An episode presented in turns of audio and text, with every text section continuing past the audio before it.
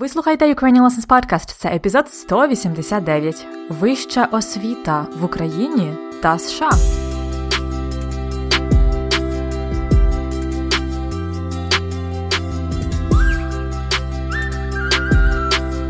Привіт-привіт! Це Анна Огойко і подкаст Уроки української. Подкаст для всіх, хто вивчає і любить українську мову.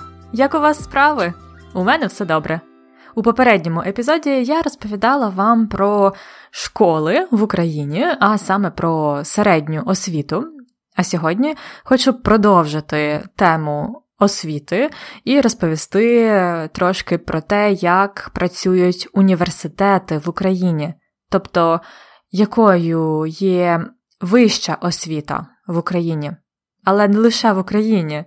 Бо, можливо, ви знаєте, якщо слухали другий сезон подкасту, там я якраз була в Америці, я провела один рік в США, де викладала українську мову і трошки вчилася в американському університеті. Тому сьогодні я вирішила порівняти для вас особливості вищої освіти в Україні і в Сполучених Штатах. Готові починати? Почну з основного про свою освіту. В Україні я закінчила Національний університет Києво-Могилянська академія, або, як ми говоримо скорочено, Могилянка. Я здобула диплом бакалавра за спеціальністю філологія. Це було у 2012 році, і потім диплом магістра за спеціальністю філологія також в 2014 році. Загалом я обожнюю свій університет і вважаю, що він найкращий в Україні, але це вже інша історія. Далі я почала працювати і подорожувати, але несподівано мені випала неймовірна можливість поїхати на один навчальний рік у Сполучені Штати. Там я викладала українську мову для студентів і трошки вчилася. Тобто я брала кілька курсів в Пенсильванському університеті у місті Філадельфія. Це сталося завдяки програмі обмінів імені Фулбрайта. І це був неймовірно крутий досвід. Це програма, яка була досить практична, тому я там не здобувала диплом, а просто брала активну участь в житті університету, багато дізнавалася взагалі про життя в Америці і особливо про систему американської освіти. Саме тому сьогодні я можу їх порівнювати українську та американську вищу освіту. Структура сама в нас досить схожа. Перший рівень називається бакалаврат в Україні. Це переважно 4 роки навчання, і англійською мовою це undergraduate program або bachelor program. Бакалаврат. Так само, як в Америці або в Європі, далі після бакалаврату йде магістратура. Це більш поглиблена програма, і вона триває переважно два, інколи один або один з половиною років. Pісля магістратури йде аспірантура або докторантура. Це програми для дослідників. У попередньому епізоді я розповідала вам про ЗНО. Це тест, який учні мають скласти для вступу в університет. Це важливий і незалежний тест. Фактично, результати тестів ЗНО це основне для вступу в університет. Тобто, залежно від того, скільки в абітурієнта балів за тести, він може вибрати собі кращий виш або спеціальність. Адже абітурієнт це людина, яка хоче, збирається вступати в університет. Це людина, яка подає заявку на вступ. Вона називається абітурієнт. А виш це вища школа або вищий навчальний заклад. Ми говоримо виш, ВНЗ або просто університет чи інститут. Так от, е, повернімось до теми тесту. Система ЗНО в Україні створена не дуже давно, але вона чудово працює. Це тому, мабуть, що так можна найкраще запобігти корупції. Вступ за результатами тестів максимально об'єктивний. Натомість у США, наскільки мені відомо, для вступу треба подавати цілий пакет документів, не тільки тести, а і есе, рекомендації, оцінки з школи. Також в Америці дивляться на те, наскільки активною була учениця чи учень в школі. Дивляться на спортивні досягнення, якщо йдеться про університети, для яких спорт це важливо. В Україні ж основне, фактично, все залежить від балів ЗНО, балів тестів. Ще одна відмінність е, у вступі в університет це те, що українці мають відразу вибрати собі конкретну спеціальність і конкретний факультет, де вони будуть вчитися всі 4 роки на бакалавраті. І це треба зробити бажано ще в 10 чи 11 класі, щоб е, уявляти собі, які тести ЗНО треба складати. Наприклад, якщо абітурієнт вирішує вступати на програміста, то йому треба буде складати тест з математики і фізики, а також тест з української мови це обов'язковий тест для всіх. І тут проблема в тому, що старшокласники дуже часто не впевнені, чим вони взагалі хочуть займатися, не знають, яку їм професію обрати, що їм краще підходить. І це насправді дуже і дуже важко вибрати спеціальність, на яку вступати. Потім ти не можеш просто змінити спеціальність, можна хіба що перевступати, тобто починати все спочатку. Наприклад, коли я була в 11 класі, то я мала різні варіанти, хотіла вступати або на журналістику, або на філологію, тобто на мови, або на юридичний факультет, тобто правознавство, або ще був варіант соціальна робота. Це все дуже різні варіанти. В результаті я вибрала філологію мови, тому що це давало мені потім більший вибір професії в майбутньому. Але я знаю, що багатьом старшокласникам дуже тяжко вибрати спеціальність і факультет, коли тобі всього 15-16 років, ти вже маєш вибрати свою майбутню професію, фактично. А під час навчання в Штатах я помітила, як студенти просто вступають в університет, а вже потім протягом одного-двох років вони вирішують, чим конкретно вони будуть займатися, тобто, що буде їхнім major. В Україні у нас немає такого поняття major, хоча деякі університети пробують втілити цю ідею. Наприклад, мій університет Могилянка пропонує здобувати minor. Для мене це основна перевага американської освіти можливість просто вступати в університет і не вибирати спеціальність на початку. А от якщо говорити про основний недолік і таку велику відмінність від України, це точно вартість освіти. В Америці університети переважно приватні організації, і навчання в хороших закладах коштує дуже багато, іноді просто це неймовірно дорого. І тоді студенти переважно змушені брати кредит на навчання. А в Україні такого навіть поняття, як кредит на навчання, у нас немає.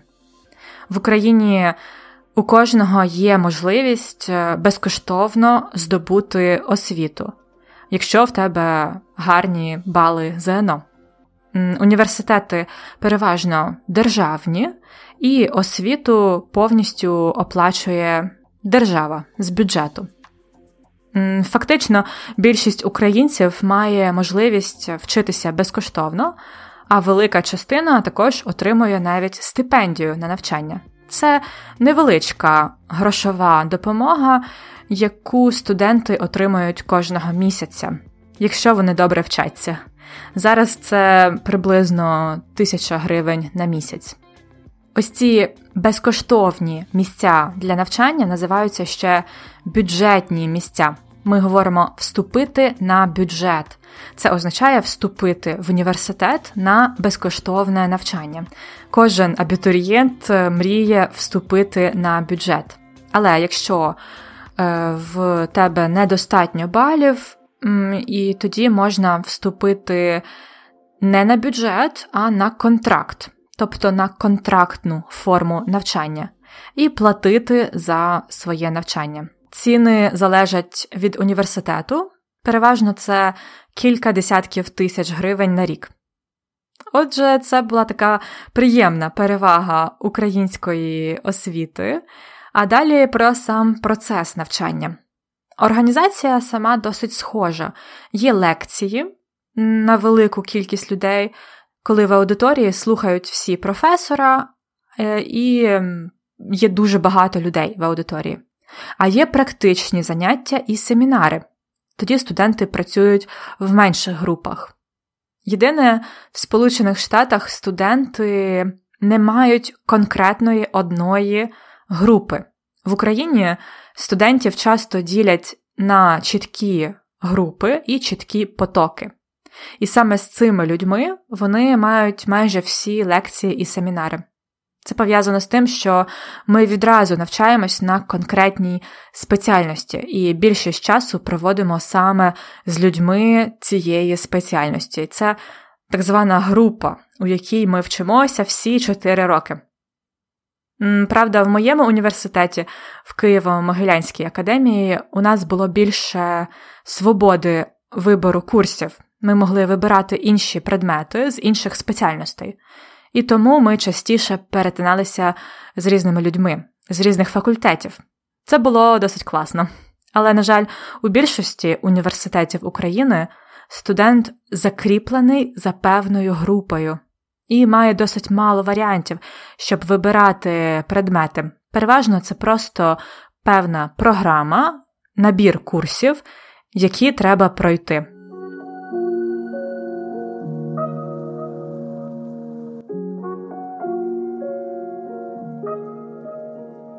Ще хочу згадати про іспити, екзамени. В Сполучених Штатах мені здавалось, що іспит це не так і важливо, це лише частинка фінального балу. А в Україні екзамени це дуже важливий і часто дуже стресовий період. Такий період, коли проводять екзамени наприкінці семестру, називається сесія. Студенти бояться сесії як вогню тоді вони переважно дуже багато вчаться, навіть більше, ніж за весь семестр. І одна з причин, чому сесія це страшно, це, мабуть, формат іспитів. Досить часто, особливо в гуманітарних дисциплінах, як у мене було на факультеті, іспити усні. І тоді досить е, страшно, коли треба заходити в аудиторію, брати питання, такий білет з питаннями, готуватися до відповіді 15-20 хвилин, а тоді усно відповідати на питання перед професором, тобто мати таке невеличке інтерв'ю з професором. І Так само це може бути і письмовий формат, е, але ось ці усні іспити часто дуже стресові, бо ти ніколи не знаєш, що може спитати професор, ну і треба говорити вголос, це досить страшно. Якщо я не помиляюсь, е, в американських університетах іспити майже завжди у формі тестування. І ще один особливий тип завдань в університеті в нас це дипломна робота. Є бакалаврська дипломна робота і магістерська робота. Це певний дослідницький проєкт, над яким студент працює на четвертому курсі, на останньому курсі університету, і е, на останньому курсі також магістратури. Ці результати дослідження треба записати в такому дуже академічному форматі. Зазвичай це десь виходить 60, е, може бути навіть 100 сторінок тексту. І наприкінці треба цю дипломну роботу захистити, тобто виступити перед професорами і відповідати на їхні питання. Я, до речі, писала свою першу дипломну роботу на бакалавраті про історію підручників української мови для іноземців. Вже тоді я дуже цікавилась цією темою. Ну, а останнє, про що я хотіла згадати, це студентське життя. Воно залежить, мабуть, від університету і від людей, але м, зазвичай це досить веселий час, коли м, ти багато з ким знайомишся, це різні вечірки, посиденьки, спільні поїздки. Часто саме в університеті народжується дружба на все життя. Якщо порівнювати з Америкою, то я можу сказати, що я не знаю, як американські студенти все встигають. Можливо, це саме в Пенсильванському університеті так було, але вони дуже активні. Вони вчаться, волонтерять, беруть участь в різних проєктах, а також особливо у спортивних змаганнях. На мою думку, в українських студентів є тільки час на навчання і трошки соціального життя, але не набагато чого іншого. Знову ж таки, це залежить від студентів і від університету. Але що точно, то це те, що українські студенти далеко не такі спортивні, як американські. Ми справді не займаємось багато спортом в університеті. Але це, мабуть, особливість саме Сполучених Штатів.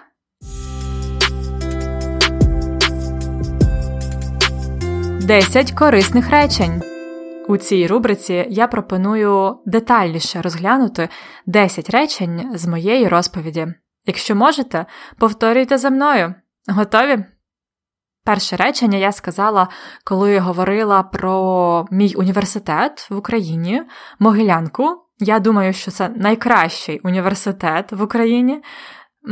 Я сказала, це вже інша історія. Тобто зараз я вам не буду пояснювати, розказувати більше про Могилянку, тому що це тема іншого епізоду, це інша тема. Ми говоримо, це вже інша історія. Повторіть, це вже інша історія. Далі речення номер два. Несподівано мені випала неймовірна можливість. Несподівано, тобто я не сподівалась, це був сюрприз або несподіванка. Несподівано мені випала можливість. Випала можливість або випала нагода.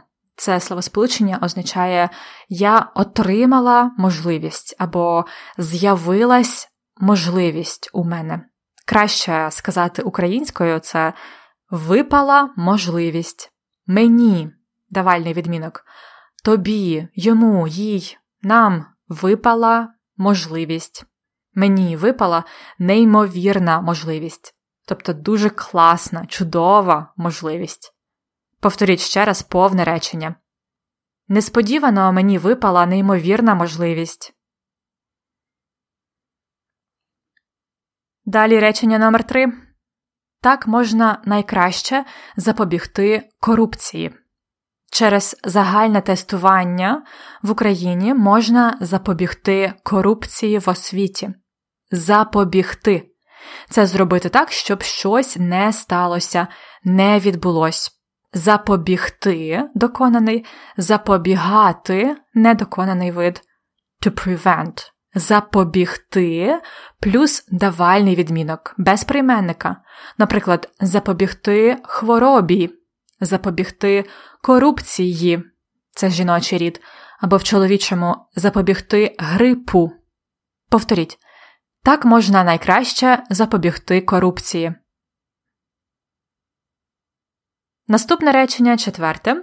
Це насправді дуже і дуже важко вибрати спеціальність, на яку вступати. Це насправді або справді дуже і дуже важко. Ви можете сказати дуже-дуже або дуже і дуже, якщо хочете наголосити на ось цьому дуже. Тобто, якщо це не просто дуже, а дуже і дуже важко, наприклад.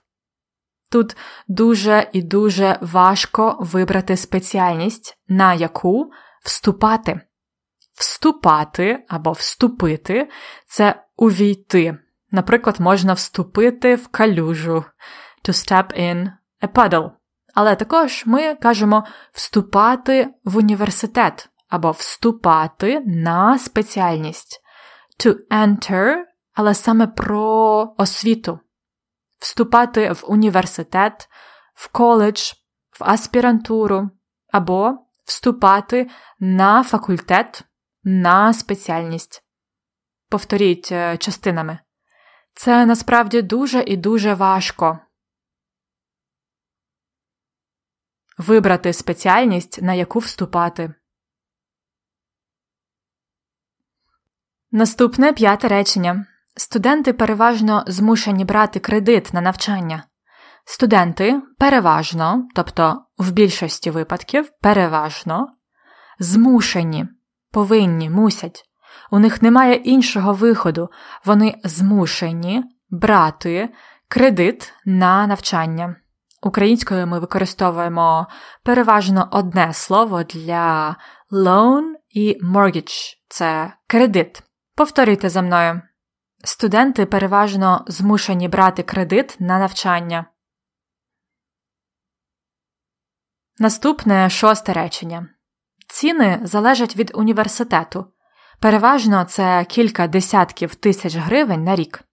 Ціни, тобто вартість навчання, скільки воно коштує, залежать від університету. Переважно це кілька або декілька десятків тисяч гривень на рік. Українською ми говоримо часто десятками. Десяток це десять. Наприклад, десяток яєць. Ми також говоримо кілька десятків. Це означає кілька разів по десять. Це може бути 20, 30 чи 40.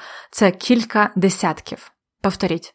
Ціни залежать від університету. Переважно це кілька десятків тисяч гривень на рік.